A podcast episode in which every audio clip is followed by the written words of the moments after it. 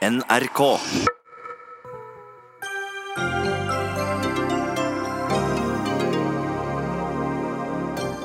Vindkraft og gass ble solgt inn under samme overskrift av Equinor, i en reklame som skrøt av lave utslipp. Det kan man ikke si om gass, påpekte britiske myndigheter. Mange blinde og svaksynte sier de får altfor dårlig hjelp til å stemme i valglokalene. Nå vil de at loven skal endres, så de kan stemme helt selv elektronisk. Er det skremselspropaganda å varsle om at Norge kommer til å tape 48 milliarder kroner bare det første året hvis vi sier opp EØS-avtalen? Det mener i hvert fall Senterpartiet. Og er vi i ferd med å utrydde den norske toppfotballspilleren, spør en som trener unge spillere, og møter landslagstrener til debatt.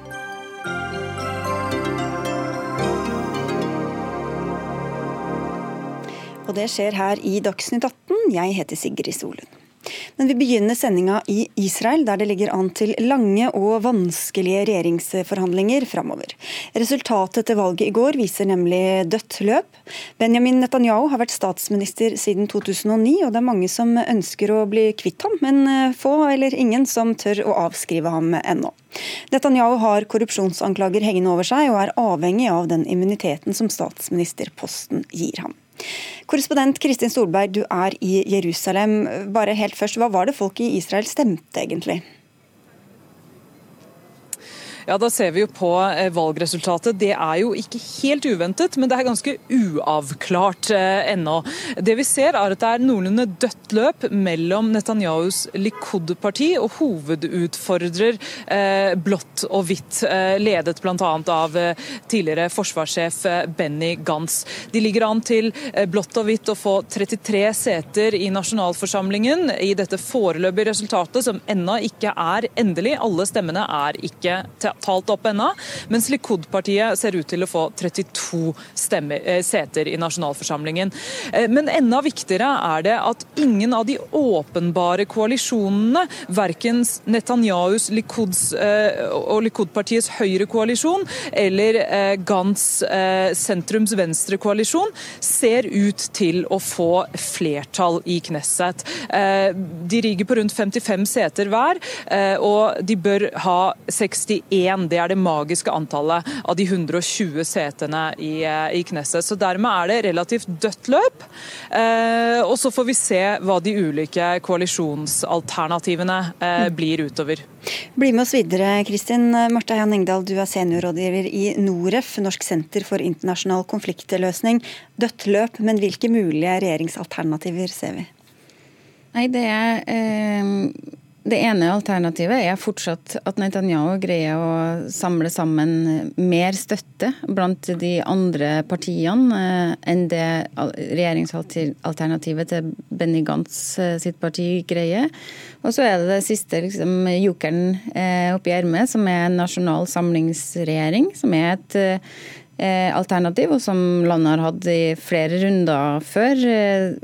Senest, tidligst i 1967. og mens da har det vært i krisetida. Så har man kommet sammen i sånn når det har vært enten for polarisert eller landet stått overfor en stor internasjonal eller nasjonal krise, så har man danna sånne samlingsregjeringer. Men her er det veldig Og det blir ganske komplisert, for det er ulike grunner til å ønske det, og ulike grunner til å ønsker å unngå det. Men for Benny Gantz har det vært tydelig. Han ønsker, han er altså det, er den store blokken, leder den store partiet som er hovedutfordreren til Netanyahu nå, og har sagt at uh, han kan godt tenke seg en nasjonal samlingsregjering, men kan ikke godt tenke seg å sitte i regjering sammen med Netanyahu. Nei. Eh, Liebermann, som er den siste som må med i det puslespillet hvis det her skal gå an, eh, har, kan godt tenke seg en nasjonal samlingsregjering, eh, og har ikke noe imot for så vidt å ha Netanyahu med, men har andre grunner til at han ikke vil sitte så godt. Sånn at totalen er at her er det noen må nødt å snu på noe av det de har lovt og sagt at det her blir uaktuelt i valgkampen. Og så gjenstår det å se hvem det er som vil trekke det korteste strået. Og Netanyahus parti kan da komme til å ofre sin egen eh, partileder og statsminister for å komme til makten, eller? Det er også et alternativ. fordi det er åpenbart nå at Netanyahu begynner å koste Likud-partiet dyrt. Det er hans personlige den korrupsjonstiltalen som henger over han, og skal, høringene skal opp nå allerede i oktober, de første høringene i den saken. Eh, når det er såpass tydelig at han har en politisk heftelse ved seg, når han ikke lenger er en fordel for partiet, som han har vært nå i så mange år, men begynner å bli en ulempe, så tror jeg heller ikke at han er en, eh, noe hellig ku for eh, Likud-partiet. Og da er det da veien åpner seg for en eventuell nasjonal samlingsregjering. Hvis de står ved Netanyahu, så går ikke det. Og Kristin Solberg, hva vet vi om hvem som snakker sammen nå, og hvor godt de ulike snakker sammen?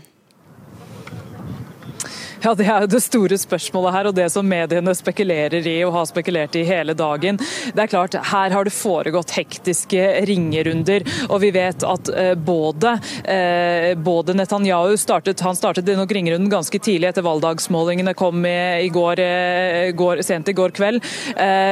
Han sa jo også i sin tale at han ville danne en sionistisk regjering. Og, og Benny Gantz sa det samme, at han ville danne en en samlingsregjering. Så her er det klart at man, eh, man snakker, eh, snakker, sammen. Og eh, store, Den store vinneren her er jo egentlig Liebermann. Og, og hva, han har jo da nesten doblet sitt antall mandater og er, er den i nasjonalforsamlingen og er den som kan vippe det hele. Han vil jo ha denne samlingsregjeringen. Det er kanskje det mest realistiske eller mest sannsynlige scenarioet eh, nå. men heller ikke det er rett fram, all den tid Gantz sier han, eh, eller har uttalt i valgkampen i hvert fall at han ikke vil eh, sitte i regjering med Netanyahu. Så er det også spekulasjoner om Netanyahu forsøker å lokke trekke et av, eh, andre, et av partiene på den andre siden, eller den andre blokka, over i en regjering som kan eh, vippe ham over 61 mandater. Det er også en bratt oppoverbakke for, eh, for ham. Men det er klart, Netanyahu kjemper jo nå ikke bare for en slags politisk overlevelse. Dette valget ble jo sett på som nærmest en folkeavstemning for eller mot ham. Men han kjemper jo også da selvfølgelig for frihet for straffeforfølgelse. Så han er i en veldig presset eh, situasjon nå, og vil prøve alle midler eh, og lokkemidler på å få eh, i stand en levedyktig koalisjon. Men det spørs om han klarer det. Heian Engdahl, jeg vet ikke hvor hensiktsmessig det er å prøve å fordele disse partiene på en sånn politisk skala som vi er vant til, men det interessante er jo hva slags politikk de eventuelt kan komme til å føre. Og hva er det forskjellige uh, ulikhetene politisk mellom disse blokkene eller disse partiene?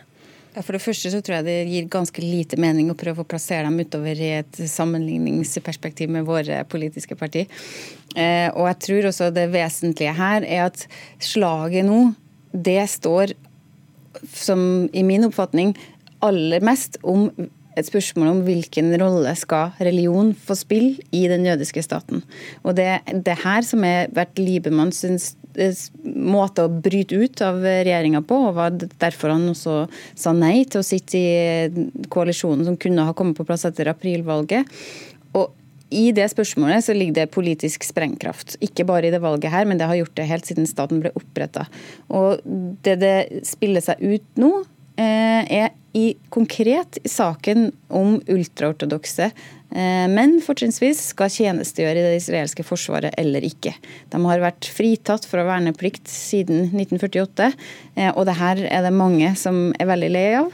Eh, og Libemann har løfta den fanesaken. Så det er på en måte Utover det så er det selvfølgelig i israelsk politikk som i norsk politikk masse andre enkeltspørsmål, men det det koker ned til akkurat i det, den skvisen de står i nå, det er det. Det så det er ikke forhold til palestinerne eller en ny utenrikspolitikk eller noe sånt som, som har stått på agendaen?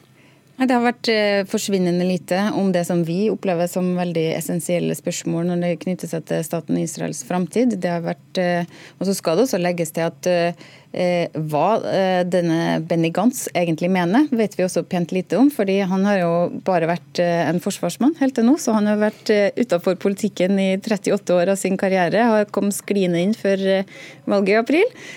Så hvordan han tenker, hva han har lyst til å satse på, hvordan han vil prioritere i sånn koalisjonsforhandling, det er også et stort spørsmålstegn. Den som lever får se. Takk skal du ha, Marte Heian Engdahl, og takk også til Kristin Solberg med fra Jerusalem.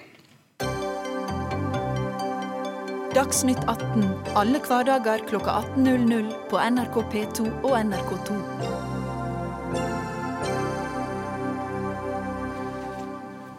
Bildet viste blå himmel, hav og vindturbiner. Overskriften lød 'Vi er lavkarbonenergien rett over horisonten'. Eller det vil si, det sto ikke akkurat det, ettersom skriften var på engelsk, og annonsen sto på en plakat på T-banestasjonen Westminster i London. Avsenderen var norske Equinor. Men det var ikke vindkraften som var problemet, men gassen fra Norge som ble nevnt i samme slengen. Dette reagerte britiske reklamemyndigheter på, og det samme gjør dere i Naturvernforbundet, hvor du er leder, Silje Aske Lundberg. Hva var det som var så misvisende eller galt i denne annonsen? Det er jo direkte villedende reklame, og det her er jo noe som Equinor har holdt på med i en årrekke. Det har for så vidt norske politikere òg, hvor man forsøker å markedsføre gass som en klimaløsning, og at den eh, er lavkarbon og dermed vil være en veldig viktig del av eh, om vi skal lykkes med klimamålene eller ikke.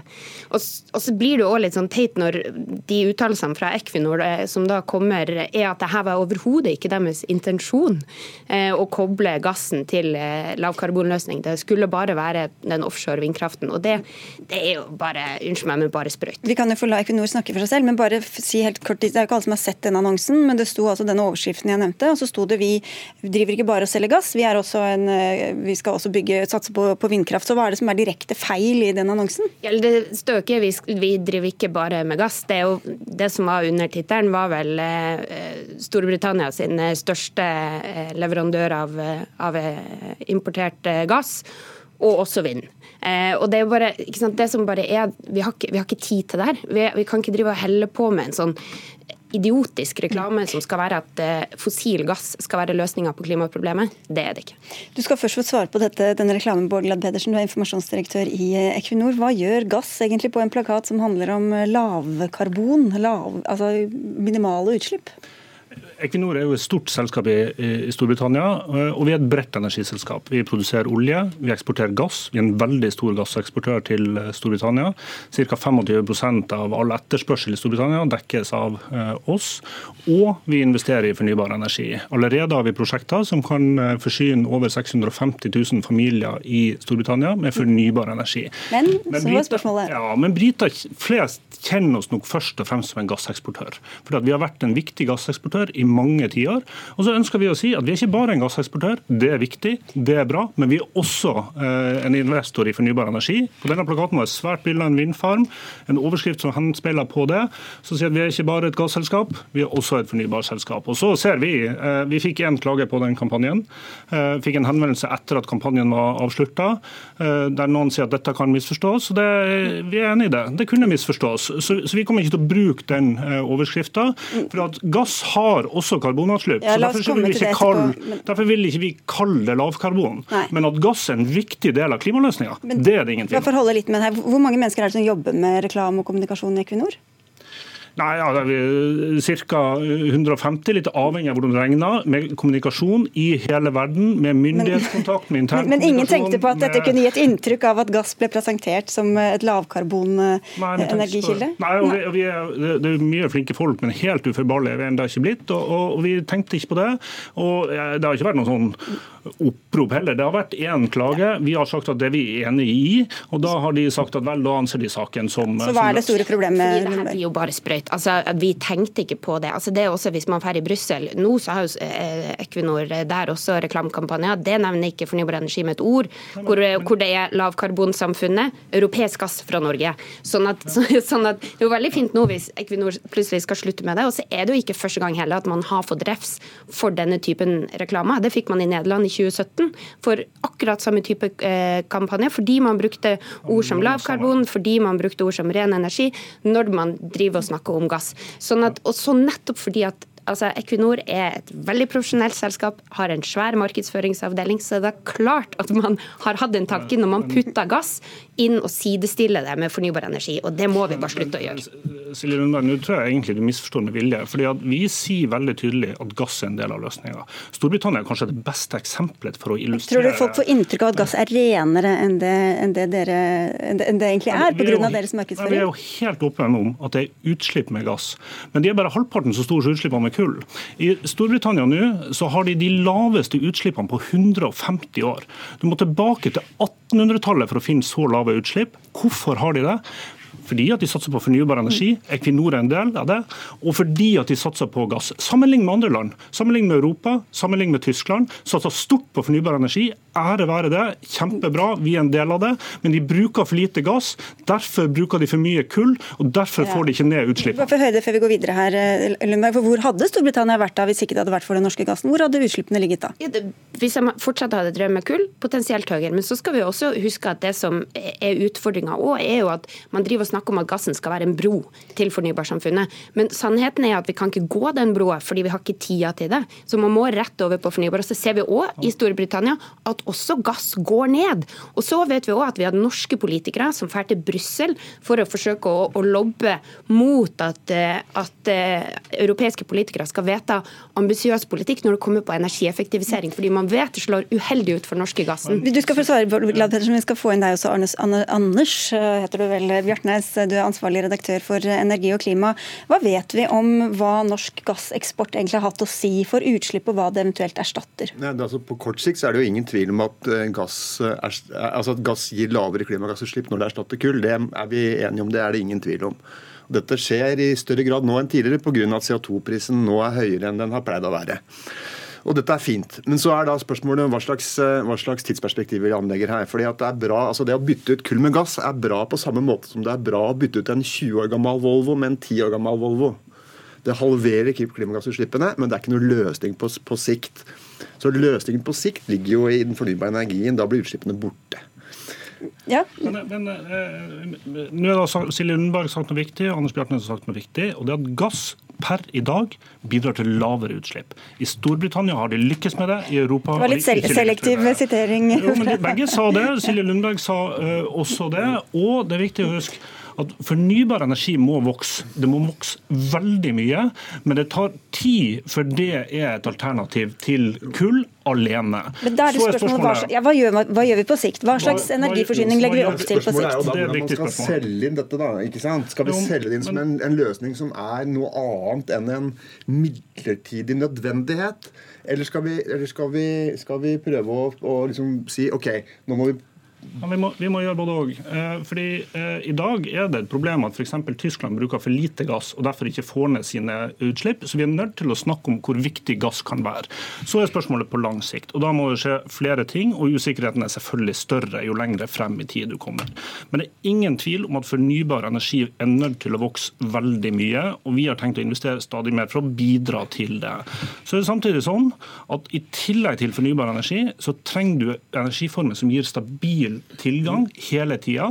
Gass kan være en del av det. Og Så er spørsmålet vil man klare å finne løsninger for karbonfangst og -lagring, for hydrogen? For det er det dere legger opp til? Jo, men, men dette, er, dette, er, nødt til å være en del av løsninga hvis vi skal uh, lykkes. Vi er i forkant til det. Norske myndigheter bidrar til det. Flere land burde bidra. Flere selskap burde investere, og vi må også investere mer. Nå er vi på, det nå, nå, det, altså Karbonfangst og -lagring er et bilde her en sånn fugl på taket. ikke sant? Fordi det vi ser, er jo det at det er mange alternativer til, til gass i, i kraftforsyning. Det er vannkraft, det er batterier, og det er det ene med det andre. sånn at at, at, eh, gasskraft kommer til å være en slags sånn tilkallingsvikar du tyr til når du ikke har noen andre alternativer. Det er billig i det fornybare energisystemet.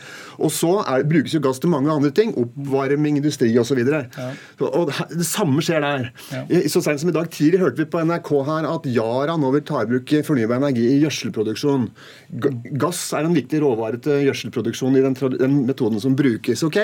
Fornybar energi kommer inn, overtar for gassen i, i, i, i den rollen, f.eks. Men vi vet jo også, alle sier jo at vi må ha CO2-fangst og -lagring for å klare dette framover, Lundberg. Så da trenger vi jo den gassen som skal fanges og lagres eh, også.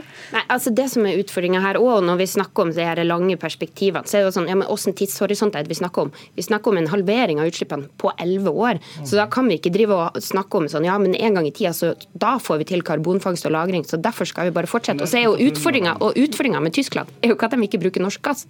Utfordringa med Tyskland er at de bruker så mye fossil energi. Altså Det er jo det som er hovedutfordringa i Tyskland, at man faktisk må greie å fase ut den fossile energien. og Hvis vi nå fortsetter å bygge opp infrastruktur også til at det man skal fortsette å ha, er gass, så gjør det mye vanskeligere å komme over på et fornybart spor.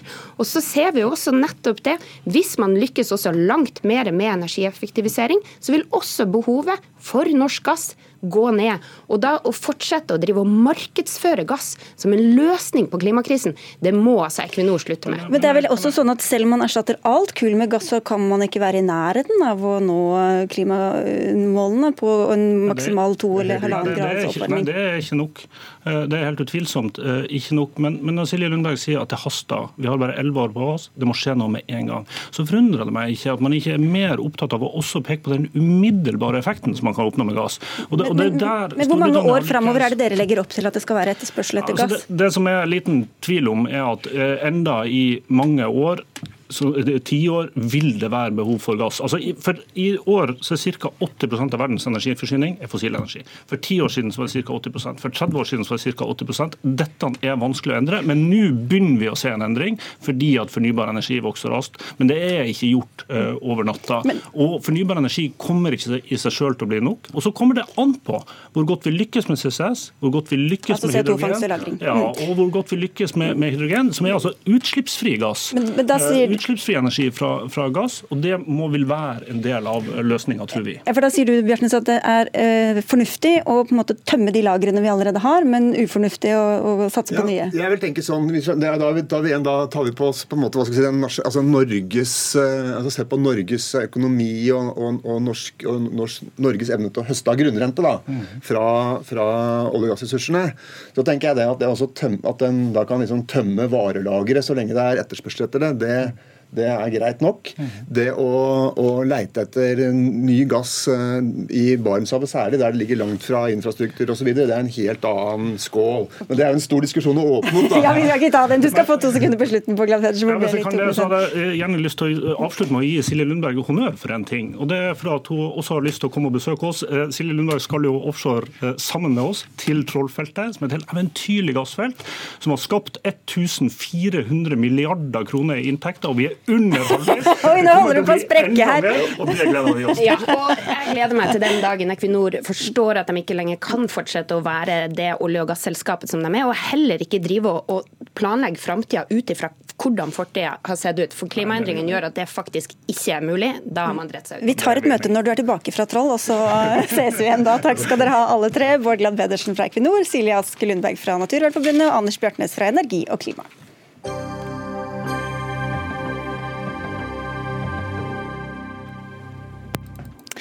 Snart skal vi diskutere hva det kan koste Norge å melde seg ut av EØS, men før det til noe helt annet.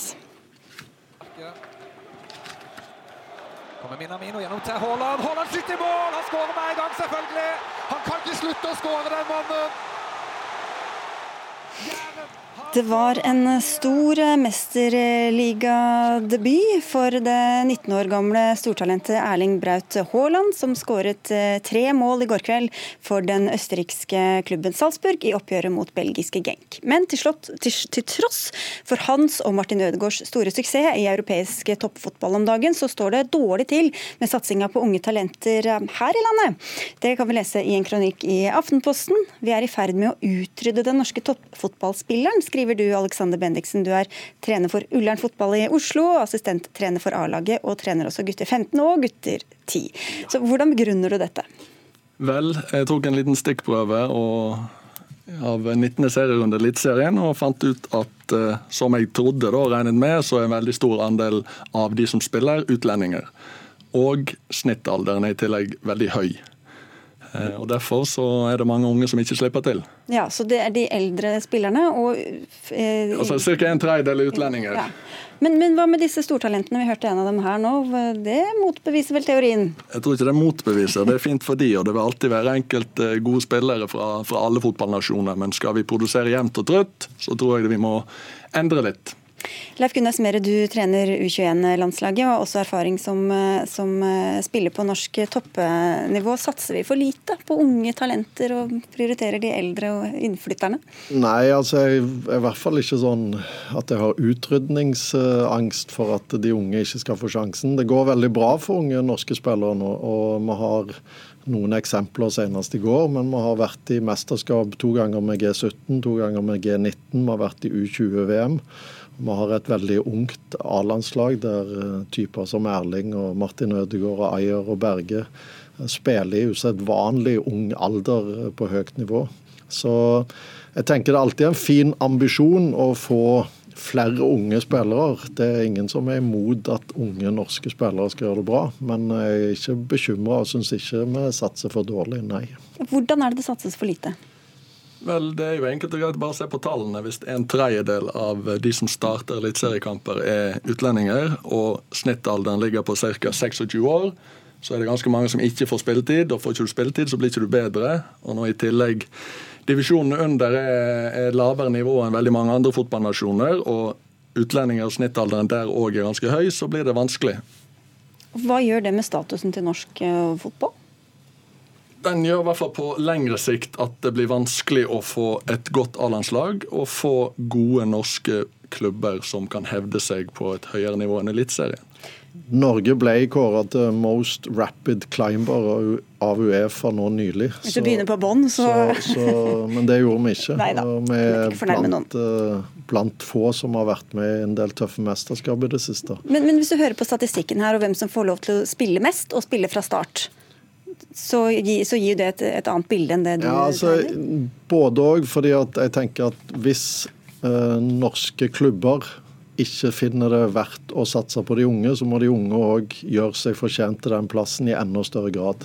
Eh, det viser at vi gjør en god jobb. Vi får opp flere spillere enn vi har gjort på veldig lenge, på høyt og høyere nivå enn på veldig lenge. Og det er en fare for at hvis vi gir de unge for lett tilgang til spilletid, så gjør vi det en bjørnetjeneste. Så jeg tror konkurransen skal være tøff på det nivået. Det er en tøff bransje uh, med masse konkurranse, og jeg tror det er bra at den konkurransen er stor. Det en vet fra ligaen, er jo at hvis du har 16 lag, så vil det fort være sånn at en må kjøpe inn for å dekke opp. Uh, det er ganske mange plasser, og dette har òg med økonomi å gjøre. Hvordan liksom en løser den totale spillerlogistikken.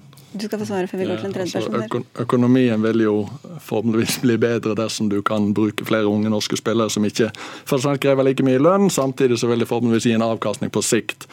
Når i tillegg ca. 20% av, eh, av benken i de ulike eliteserielagene består av, eh, av utlendinger, så begynner det å bli veldig mange. Så jeg er ikke helt enig i at det står så veldig bra til, selv om vi har noen eksempler på på det motsatte.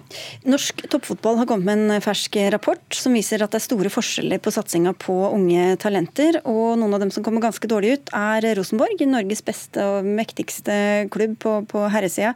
Og Stig Inge Bjørneby, du er sportslig leder i Rosenborg og er med oss fra Østerrike, hvor dere skal spille kamp eh, i morgen. Hva sier du til denne litt dårlige scoren dere får her? Ja, det tror jeg er en annen diskusjon, for det har litt med våre politiske føringer å gjøre i forhold til hvordan vi satser på barn og unge. Vi starter først i 15-16 års alder og har egentlig ikke så gode rammevilkår i forhold til kriteriene for å skåre noe særlig høyere. Eh, men når det gjelder diskusjonen som dere tar opp i dag, så er det jo sånn at for Rosenborg sin del så har vi en lang historikk med å nettopp skape den norske toppspilleren. Sist vi telte, så var det i tillegg til våre egne spillere 38 spillere fra Rosenborg, altså som har vært gjennom Rosenborg-systemet, som spiller i norsk toppfotball.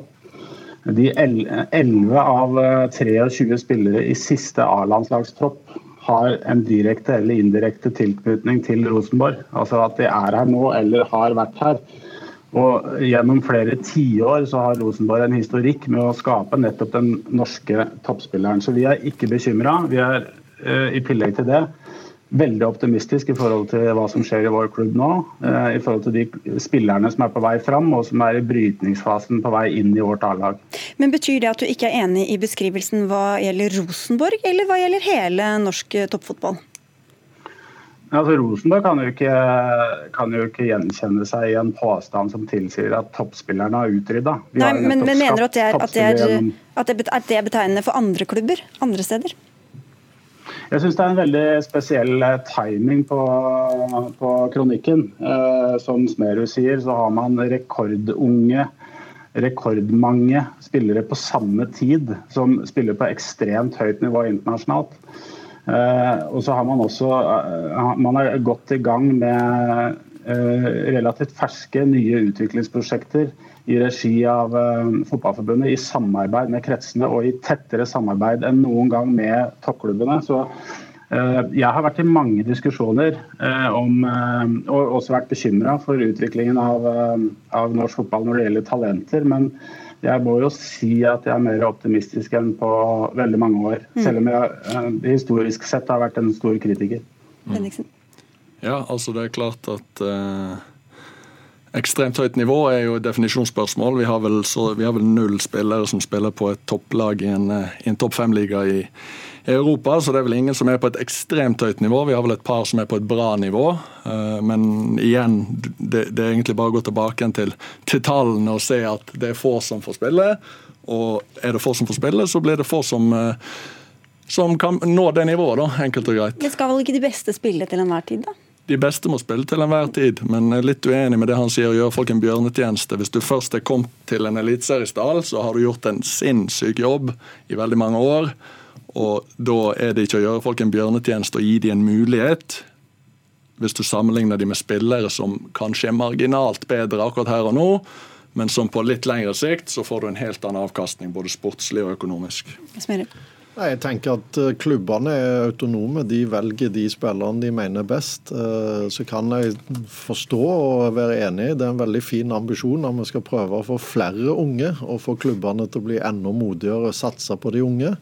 Men det er ikke sånn at det ikke, ikke skjer. Eh, og jeg tror det er en fare for å eh, lage en, en, kultur der unge spillere har rett til. Jeg syns de skal gjøre seg fortjent til. Da tror jeg vi skaper bedre spillere. Jeg skal gå til Bjørnby først. for Du hadde en eh, beskrivelse av deres egen satsing. Hva mener du at andre klubber eh, kan gjøre for, hvis de vil få opp og fram de unge talentene? Jeg tror det er en, eh, det er en slags dynamikk i, i norsk toppfotball for tiden. Rosenborg har sagt eh, og står for en ambisjon om å prestere internasjonalt i Europa. Det får konsekvenser for unge spillere. Nåløyet blir trangere. Men det er ingenting vi ønsker mer enn å introdusere unge, særlig lokale spillere i vårt lag. Det er vi i ferd med å gjøre nå. Eh, men så har du andre klubber i Norge som lever godt med en ambisjon om å produsere unge og klare å holde seg i Eliteserien. Uh, ideelt sett så tror jeg både økonomisk uh, og, og, sportslig at flere burde hatt en ambisjon om å prestere internasjonalt. Det, utviklingen går i rasende fart. Det er viktig at norsk fotball henger med. Vi tar det ansvaret. Det skaper økonomi både til oss selv og ikke minst også til andre norske klubber. Vi ønsker å bruke den økonomien vi, vi tjener uh, gjennom å prestere i Europa, på, på, norsk fotball.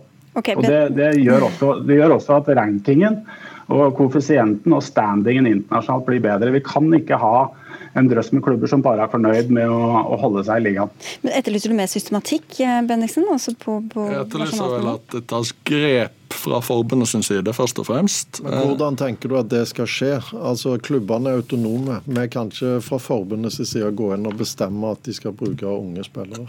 Det er jo først og fremst, altså Tittelen på kronikken var i utgangspunktet hva slags rolle er det norske fotballklubber skal ha eller noe, noe i den duren. Hvis du, eh, hvis du vil få frem gode norske spillere, så må de spille. Punktum. Men Skal de pålegge klubbene, da? De skal ikke pålegge, men du må jo ha klubber som Altså Det må være klubbstyrt, det må ikke være opp til hver enkelt trener som kommer inn her og der. Det må være klubber som bestemmer at ok, hvis vi skal, vi er norske fotballklubber, vi skal utvikle norske fotballspillere, vi ønsker et A-landslag som kommer til sluttspill, det er en stund siden sist. Det er helt enig i at det er ting på gang og at vi gjør det bra i aldersbestemt, men det har ingenting å si så lenge det ikke blir seniorspillere ut av det. Som Stig Inge er inne på, så er det et veldig godt arbeid med talentutvikling i Norge nå. Akademiklassifisering og én ting er rapporten, men arbeidet er jo en måte å belønne klubber som klarer å produsere og satse på unge spillere. Og jeg synes det arbeidet som gjøres i samspillet nå, landslagsskole, krets, toppklubb, er veldig spennende. Og det ligger insentiver for å gjøre det arbeidet bedre. Så Sånn sett så føler jeg at uh, vi gjør ganske mye, både NFF i det de kan gjøre, men ikke minst da toppklubbene for å prøve å uh, gjøre oss alle mer uh, stolt og fornøyd over norske unge gutter. Selv om vi har grunn til å være det i dag, sånn som det ble levert i går. Ok, Vi får avslutte med den vennskapeligheten. Takk skal dere ha alle tre. Alexander Bendiksen, som altså er fotballtrener for Ullern fotball i Oslo bl.a., og Leif Gunnar Smerud, som er trener på U21-landslaget, og til Stig Inge, Stig Inge Bjørneby fra Rosenborg.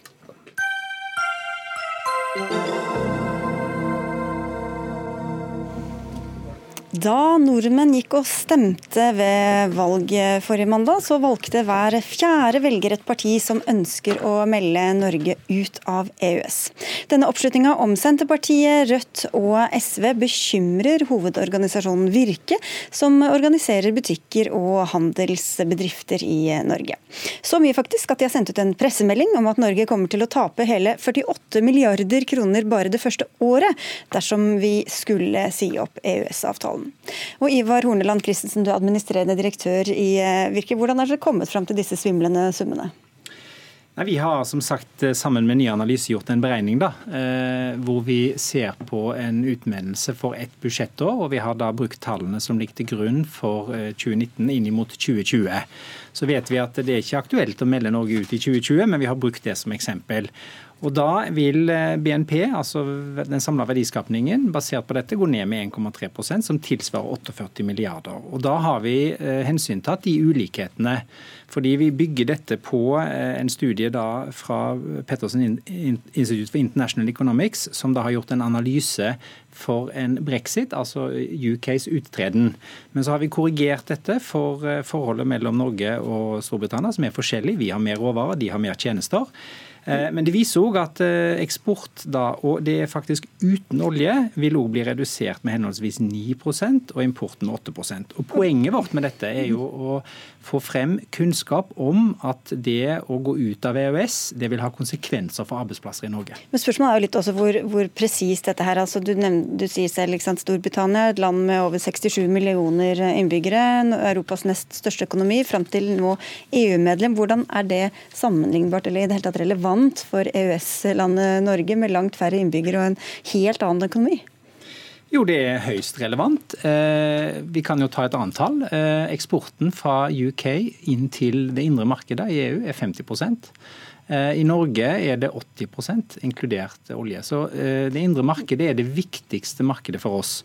Så Når vi nå har gjort denne sammenligningen, så har vi altså korrigert for det som er forskjellen i den norske økonomien, og opp mot det som er gjort i den britiske. Og Så er dette et anslag selvfølgelig med usikkerhet, men poenget er at EØS er viktig og et rammeverk for en åpen økonomi. Og det viktigste markedet vårt er det indre markedet i Europa. Sigbjørn Gjelsvik, du sitter på Stortinget for Senterpartiet, og dere avfeier dette som ren skremselspropaganda. Men hva er det som ikke stemmer i de beregningene og tallene som blir framlagt da?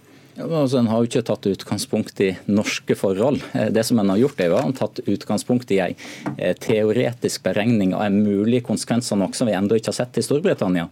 De beregningene som en har tatt utgangspunkt i i Storbritannia, er jo òg behefta med betydelige motforestillinger. Men om det, er, om det er, liksom 60 Hva var summen her? 48 milliarder, eller om det er 43 milliarder, så er det, det er kanskje ikke det mest vesentlige? Jo, men, altså, eh, nå har jo Virke, eller det som den gang het HSH, eh, prøvd seg på den type skremsler før. Eh, de var jo noen av de fremste til å advare mot at Norge skulle si nei til EU-medlemskap. En sa at det ville rasere handelsnæringa i store områder av Norge. Føre til tap av tusenvis av arbeidsplasser.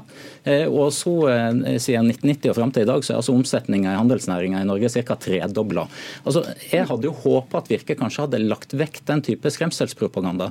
Poenget er jo det at vi skal ha gode handelsforbindelser til våre naboer. Det har vi hatt lenge før EØS, og det skal vi ha i framtida. Ja, dere sammenligner med noe som ikke finnes, da, men som hadde vært en annen handelsavtale? For, for, det første så handler ikke dette om noe EU-medlemskap. Dette handler om EØS. Og vi syns det er seriøst vi, å ta på alvor at når én av fire velgere har stemt på partier som da i sine programmer sier at de vil ut av EØS, så er vi opptatt av at uh, hvordan, hva vil være konsekvensen av det. Og det vi prøver å få frem her, er at konsekvensene vil være alvorlige for arbeidsplasser rundt om i landet. Og Det mener jeg er å bringe kunnskap inn i denne debatten. Og Det å si at dette er skremsel og bare avvise det, det syns jeg faktisk er useriøst. Jeg syns det er viktig at eh, når så mange partier eh, har fått økt oppslutning, og de har dette i programmet sitt, så tar vi programformuleringen på alvor. Og vi ønsker en kunnskapsbasert debatt om at dette vil ha betydning for norsk næringsliv. Jo, men, men greia, Hvis det hadde vært sånn at dere hadde gått gjennom sektor for sektor, område for område i Norge, konsekvenser av eh, en utredning av EØS, så vi kunne gått inn i og tatt en diskusjon på så hadde det vært én ting. Men når vi eh, ba om innsyn i det som eh, ble framlagt og skulle være en rapport, og som eh, viser seg når vi får korrespondanse fra dere at det er noen løselige beregninger som er gjort eh, ut ifra en, en, teoretisk situasjon, så er ikke det en seriøs debatt verdig. Det bidrar bare til å skape unødvendig usikkerhet. Altså bare ta for ett et eksempel. Altså Når det gjelder handel med EU, vi har altså hatt tollfri adgang til EU-markedet for alle industrivarer siden 70-tallet, siden lenge før EØS-avtalen. Og Hvis dere skulle lage en beregning basert på å sammenligne med andre land, så burde jo dere i minste sammenligne med noen land som da valgte å stå utenfor EØS. Altså Den fantastiske avtalen som da dere fremma, det er altså ingen land i verden omtrent som ønsker seg EØS. Men da, da legger du til grunn at EU skulle ønske oss å gi en sånn avtale som det disse andre landene har, med tanke på forhandlingene mellom Storbritannia og, og EU nå så ser det ikke ut til at EU er akkurat på tilbudssida hva gjelder avtaleverk? Altså, altså Britene har jo havna i en spesiell situasjon. og Det beste vi kan lære av britene, er jo aldri å gå inn i EU istedenfor å gå inn i EU og se at det er en dårlig idé å prøve å komme seg ut igjen. på ja, men Spørsmålet er hva slags avtale vi kunne fått da, i stedet for EØS? Ja, det er, altså av eh, land i verden så er det altså bare Norge og noen hundre tusen islendinger og først Hans Adam, den andre Liechtenstein, som har EØS. Sveitserne har valgt sin egen modell, de sa nei til EØS. Det er ikke noe som, eh, som tyder på at sveitserne har hatt noe dårligere økonomisk utvikling etter de sa nei til EØS. Det er en stor tjenestesektor som har vokst mye i samhandel med EU, eksempelvis. Ja, hva, hva er det vi har for det, første, som ikke Sveits har gjort? For det første vil jeg si det sånn at Disse analysene som er gjort, de er gjort med noen usikkerhet, men det er gjort av seriøse økonomer. Så jeg vil tilbakevise at dette er useriøst. For det andre er det seriøst av oss å faktisk ta på alvor at partier ønsker ut, seg ut av EØS. Og Det er den debatten vi ønsker å sette i gang. og Jeg, jeg, jeg tar faktisk programmet i Senterpartiet på alvor. Og så må jeg si følgende. Jo, men jeg stilte et spørsmål. Hva er det EØS, er Norge har tjent på EØS-avtalen, som Sveits ikke har tjent på sin, eh, sin avtale? For det, for det første så er en frihandelsavtale noe annet enn EØS. Og for det andre... Det er vel nettopp derfor ja, Senterpartiet vil ha det? Jo, men for det andre så vil jeg jo bare minne om at den frihandelsavtalen som vi inngikk da langt tilbake, altså økonomien fra 1972 og frem til nå, det er altså 50, snart 50 år siden, så er bruttonasjonalproduktet i Norge tre ganger større. Eksport og import er fem ganger større. Og dessuten så gjaldt den avtalen i sin tid da industrivarer og var statisk. Og så har jo dette utvikla seg, så på mange måter var jo den avtalen for en helt annen tid. Eh, det vi har i dag, vi har altså 25 år hvor økonomien i Norge er blitt sammenvevd med den europeiske, og det er vårt viktigste marked, og det har tjent oss godt. Og jeg vil legge til at en liten, åpen økonomi som Norge tjener all sin velferd på ved at man faktisk har forutsigbare kjøreregler. Nå mister vi vel hva er det, en fjerdedel av eksporten eller sånt når Storbritannia går ut av, eh, av EU? Ja, vi, vi, er jo bekymra for det som skjer men, der. Men EU er fortsatt like viktig, EØS blir fortsatt like viktig? Eh, fortsatt så vil jo altså Det er 40 milliarder vi eksporterer da til, eh, til England, eh, eller UK, og det er jo spennende hvordan det vil gå. Der eh, har vi jo meninger, men det er en annen debatt. Jeg skjønner. Men Jelsvik, du vil, altså, Canada brukte ti år på å framforhandle en avtale med EU. Du ser jo situasjonen nå med, med, Storbritannia og EU.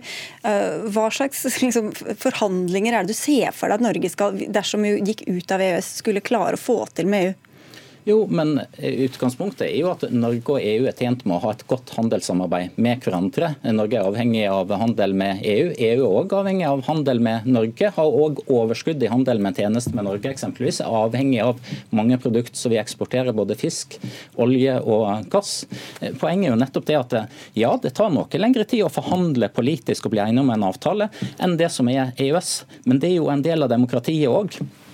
Istedenfor å ha en avtale sånn som EØS er i dag, der den ene part bestemmer reglene og fortolker reglene, og den andre part, Norge, bare må, må godta dem. Men det som vi ønsker oss, er å forhandle frem en ny avtale som et alternativ, som skal erstatte EØS-avtalen, som både ivaretar norsk næringsliv, norsk økonomi, men som òg ivaretar det norske demokrati på en mye bedre måte enn det som EØS-avtalen gjør. Og helt på tampen, Apropos forhandlinger, hva i det hele tatt er sjansen tror du, for å få med seg noen av de andre partiene, bortsett fra det jeg nevnte, på, på å gå ut av EØS?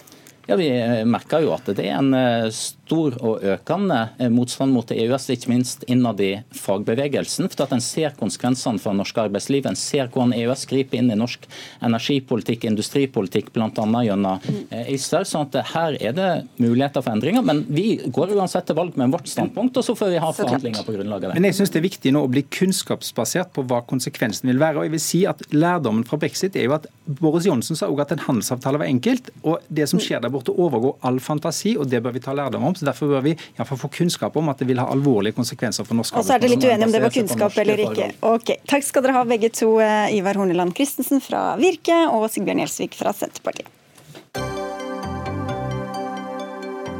Hør Dagsnytt 18 når du vil. Radio NRK Radio.nrk.no.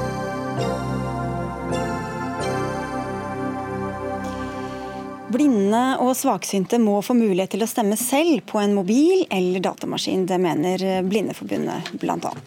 For under årets valg var det flere synshemmede som hadde problemer ved stemmelokalene.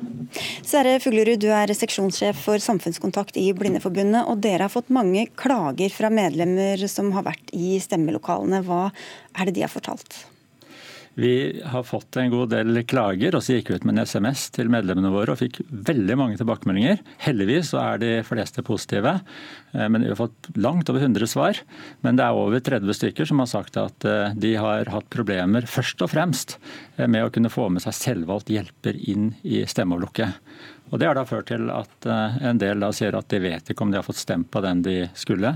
De syns dette ble en veldig ubehagelig opplevelse. Noen sier at eh, de kommer ikke til å stemme neste gang.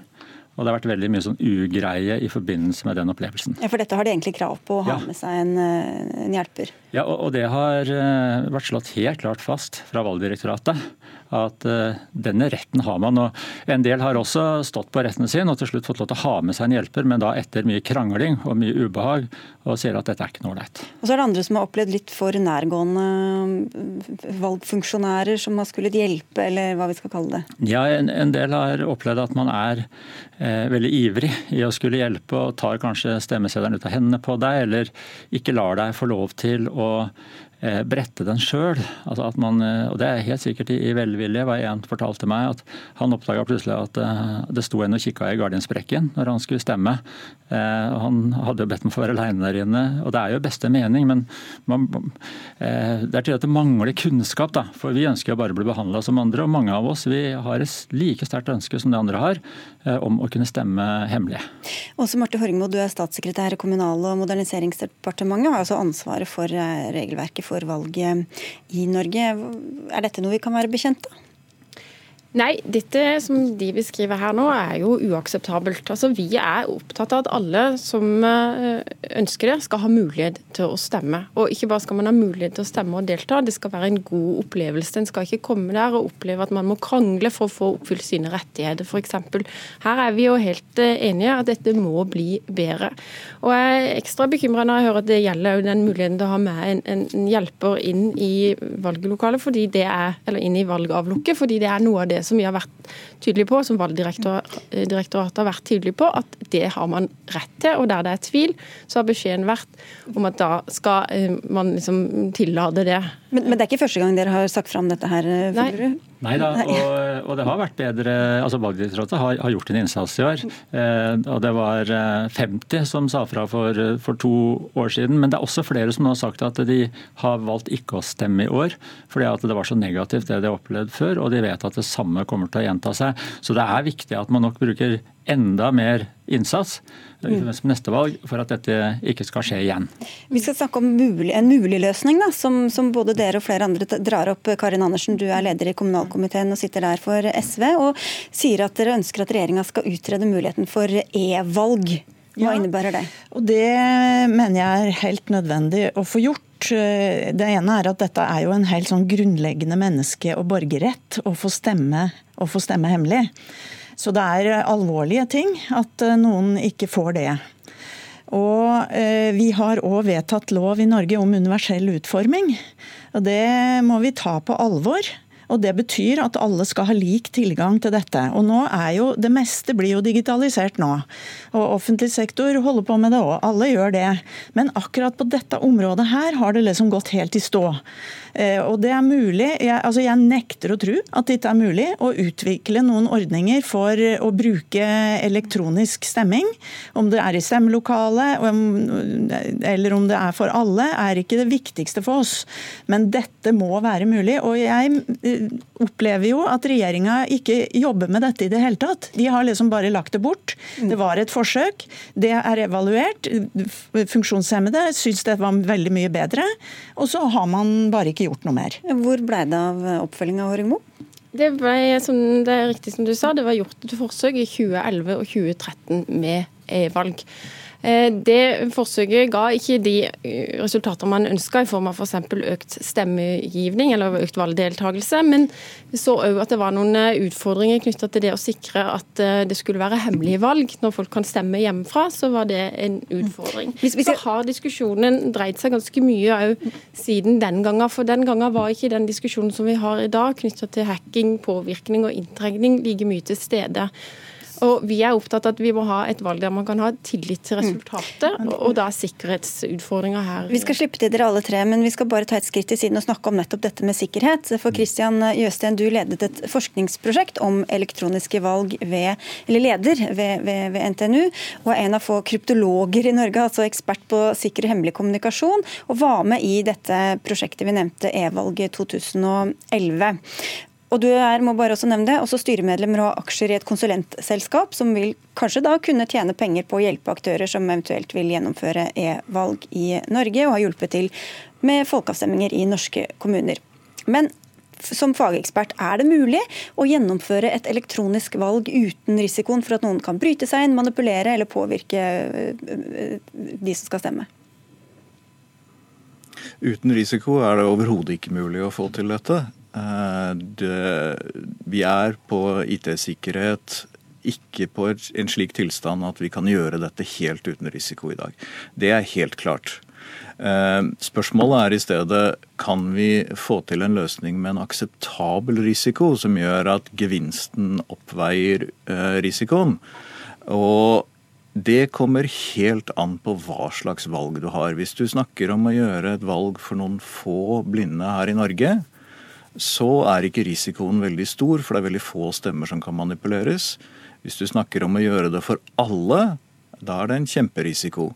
Det er også forskjell på disse folkeavstemningene som dette konsulentselskapet har vært med på å gjennomføre i Finnmark og slikt. Der hvor du tenker at kanskje ikke russere og kinesere er så interessert i å manipulere resultatet. Da har du en lavere risiko fordi det er færre og mindre eh, evne og mindre ressurssterke angripere enn hvis du f.eks. kjører stortingsvalg. Ja, for Hva er de potensielle faremomentene her? Eh, de, eh, altså I det øyeblikket du begynner å kjøre dette elektronisk, så åpner du potensielt sett for at folk ikke eh, trenger å bryte seg inn i valglokalet og faktisk tukle med fysiske stemmesedler, men at de i stedet kan sitte hjemme i sin egen stue og tukle med valget derfra. Vi vet fra både USA og andre at eh, det er utrolig mange teknikker man kan bruke for å komme seg inn i godt sikrede systemer og hoppe over eh, brudd i nettverkskabler og lignende. Så angriperne har utrolig mye muligheter som de ikke har når vi går rundt og teller fysiske papirstemmesedler. Så det å ha det for alle, det er uh, veldig usikkert. Men f.eks. å ha det bare for en viss gruppe eller noen få grupper inne i valglokalene, det burde være nokså sikkert? Vel, det kan iallfall Konsekvensen hvis det går galt, er mye lavere. Eh, vår evne til å sikre et sånt valg er ikke veldig mye større enn hvis du gjør det for alle. Altså Det er litt grann forskjell i skala, og det er mye lettere å angripe et stort system enn et lite system. Men du må huske på at blinde bor i hele landet, eh, så et sånt system vil være veldig distribuert. Det vil ha utrolig mange sårbarhetspunkter, nær sagt uansett hvordan du gjør det. Så det vil aldri bli sikkert. Men eh, kanskje kan man tenke seg at det er sikkert nok i forhold til fordelen. Ja, sikkert nok, Håringmo. Sikkert nok er jo en utfordring fordi vi ønsker å ha, vi må ha et system der man har tillit. Altså det Sikkerhet er en dimensjon, vi må ha tillit. Og da er jo Når det blir usikkerhet og for høy risiko, så, så er det en utfordring for systemet. Men de har, har, det er tydeligvis noen som ikke har tillit nok til å gå og stemme neste gang? Ja, og det er jo kjempebekymringsfullt. Men, og, men jeg vil si for det første så er det ikke sånn at vi nødvendigvis har lagt eh, den ballen død for alltid. Men man må finne gode løsninger. Men jeg er jo opptatt av at vi skal ha et system som, som er der for alle. Og her må vi bli bedre. Vi må leide etter nye løsninger, men det er ikke sikkert vi skal begynne oss kun til én type løsning. Mm. Og vi må gå i dialog med Blindeforbundet. Vi har uh, også dialog med de. Vi, vi, har... vi, kan gå i dialog her og nå, Fuglerud. Hva, hva, sier du? Det, det, det, vi etterlyser er at man starter med en prosess, og så ser man hva kan vi få til. Uh, og, og jeg ser for meg at hvis man nå ser på sånn som i valglokalet, at man kan ha lukka systemer som gjør at uh, dette er lite risiko for datasikkerheten. Da. Og i 2011 så ble det gjort en egen evaluering av funksjonshemmede som deltok i valget, som eh, ga veldig positive resultater. Eh, Blindeforbundet vi skal ha landsmøte nå i helga, og der kommer dette helt sikkert igjen til å bli en viktig sak. For det er så mange av oss som har opplevd negative ting i forbindelse med valget. Og vi ønsker seg veldig sterkt å kunne kumulere og kunne gi slengere uten at vi må be om hjelp fra andre. Og dette er jo flere grupper som ønsker og trenger og, og er helt avhengig av. Så jeg synes at Nå burde man departementet starte et arbeid på dette her. Og der har dere jo sånn sett uh, fått uh, påtrykk fra Stortinget. Uh, så jeg synes at istedenfor å vente og vente, Start nå opp og prøv å teste ut hvordan dette kan gjøres på en sikker måte. Nettopp det, fordi vi har foreslått dette flere ganger i Stortinget, og vi har fått støtte både fra Arbeiderpartiet og Senterpartiet, men regjeringa sier nei. Og det er helt umulig å forstå hvorfor man ikke i hvert fall prøver å utrede det, og prøver å utrede avgrensa løsninger som kan være avgrensa til valglokalet eller der du gir forhåndsstemmer, for å gjøre dette mulig. Altså, det må være mulig å få til løsninger som gjør at det blir universelt utforma. Og hvis vi skal ha like rettigheter, så må vi ha ulike løsninger for mennesker som trenger ulike måter å kunne avlegge sin stemme hemmelig på. Det får de ikke i dag, og det kan umulig regjeringa være fornøyd med, å sitte så passiv som den man har gjort det nå. Altså, vi sitter ikke passive her. Vi har gjennomført en rekke tiltak. Vi har også nedsatt et valglovutvalg som skal se på helheten i valggjennomføringa. De skal komme med sin rapport i mai 2020. Jeg vet også at De har hatt møte med Blindeforbundet. Det synes jeg er veldig bra. Det betyr at de er godt opplyst om denne problemstillinga. De står helt fritt til å komme med forslag til endringer her. Altså da, vi, da, skal vi ha en høring på seks måneder i etterkant av det, sånn at vi får god tid til å diskutere det og få inn mulige eh, løsninger. Men vi er opptatt av at vi må ha et system som er sikkert, som gir tillit. Men det er ikke så sikkert nå heller. Det ble jo oppdaget f.eks. helt tilfeldig at kommunistene fikk alle stemmene til mm. FNB i Hordvik i Bergen. Så helt sånn kjempevanntett er det åpenbart ikke. Men det viser jo nettopp det at når man kan gå tilbake, man kan òg kryssjekke manuell telling mot eh, elektronisk telling. Og det er jo nettopp der trenden har endra seg litt, der man før diskuterte eh, om å ha e-valg, så er jo nå diskusjonen knytta mer til elektronisk telling.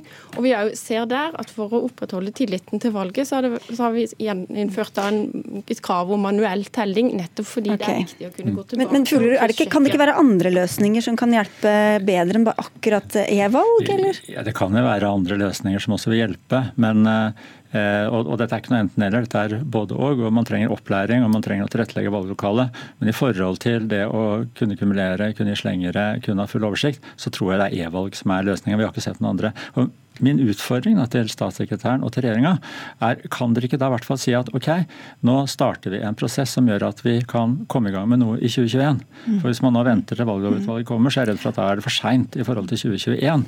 Og Nå har det gått eh, mange valg siden 2011 og 2013, og digitalisering har skjedd ellers i samfunnet. Så hvorfor skal dette være det eneste området hvor man ikke vil digitalisere? Det er jo ikke sånn at vi ikke ønsker å digitalisere. Det er jo nettopp det er jo derfor vi har for gått inn til å se på manuell, nei, elektronisk eh, telling osv. Mm. Men nå er det den trenden har snudd på dette området. Det er få land nå som diskuterer e-valg. Det er vel kun Estland som har det. Det betyr ikke at dette er noe vi jeg tror det er flere land, og så har de hatt litt ulike erfaringer. Ja, og det, det, som er, det, som er, poenget her, er at regjeringa og evalueringa av det forrige forsøket også hengte seg veldig opp i at dette skulle øke valgdeltakelsen og det skulle være for alle. Nå vet vi at vi har et problem med at noen diskrimineres, får ikke avgitt stemmen sin hemmelig. Det må løses. Og det må regjeringa sette i gang et arbeid på nå, og ikke vente. Og det venter. Men vi må få en trygg og sikker Den er grei. Vet dere, vi har ikke mer tid, så jeg må bare avslutte, dessverre. Takk skal dere ha, alle fire. Rekker ikke å si hva dere heter engang. Jeg å si våre egne navn, da det handler om prioriteringer. Anne Katrine Førli, Frode Thorshaug og jeg, Sigrid Solund, takker for oss.